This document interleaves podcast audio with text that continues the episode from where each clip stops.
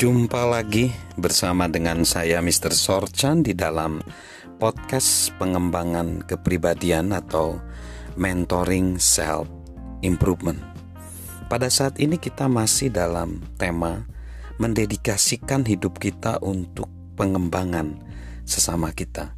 Kita masuk di item atau poin yang keempat, menggunakan tujuan organisasi untuk mengembangkan individu. Jika kita harus membangun mekanisme yang sepenuhnya terpisah dari pekerjaan aktual yang harus diselesaikan untuk mengembangkan orang-orang kita, itu mungkin akan membuat kita lelah dan frustasi. Untuk menghindarinya, gunakan tujuan organisasional sebanyak mungkin untuk pengembangan pribadi seseorang. Itu benar-benar adalah cara terbaik untuk pergi. Ketika sesuatu buruk untuk individunya dan buruk untuk organisasinya, semua orang kalah.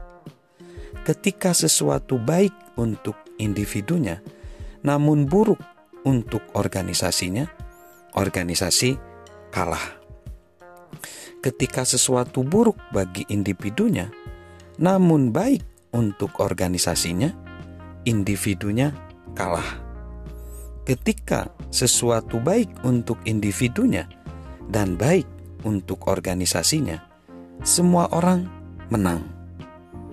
Nah, kita tahu itu mungkin terlihat kayak sederhana, namun itu sebenarnya memperhatikan, kita harus perhatikan ada satu hal yaitu satu-satunya skenario di mana tidak akan ada yang kalah adalah ketika sesuatu baik untuk organisasinya dan juga baik untuk individunya. Itu adalah resep untuk kesuksesan jangka panjang.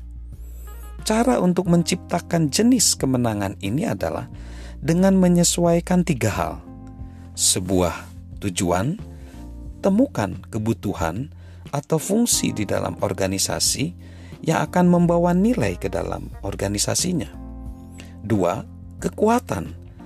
Temukan seorang individu yang memiliki kekuatan dalam tim kita, namun membutuhkan pengembangan. Ia akan membantu mencapai tujuan organisasi itu. Peluang, sediakan waktu, uang, dan sumber-sumber daya yang dibutuhkan agar mereka atau orang itu mencapai tujuannya. Semakin sering kita menciptakan penyesuaian seperti itu, semakin sering kita akan menciptakan kemenangan untuk semua orang. Organisasinya, individu yang akan dikembangkan, dan bagi diri kita sendiri. Lalu, poin yang kelima, bantulah mereka mengenali diri mereka sendiri.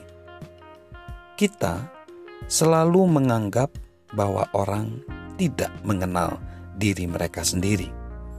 Seseorang tidak bisa realistis mengenai potensinya hingga ia realistis mengenai posisinya. Dengan kata lain, kita harus mengenal di mana kita berada sebelum kita menemukan bagaimana kita pergi ke tempat lain. Max Debris, ketua emeritus dari Herman Miller Incorporation dari ang dan anggota dari Fortune Magazine Hall of Fame mengatakan bahwa tanggung jawab pertama dari seorang pemimpin adalah mendefinisikan realita. Saya juga mempercayai hal itu tanggung jawab pertama dari seorang pemimpin yang mengembangkan orang lain adalah membantu mereka mendefinisikan realita mengenai siapa diri mereka sesungguhnya. Para pemimpin membantu orang mengenali kekuatan dan kelemahan mereka. Itu penting jika kita ingin menolong yang lain.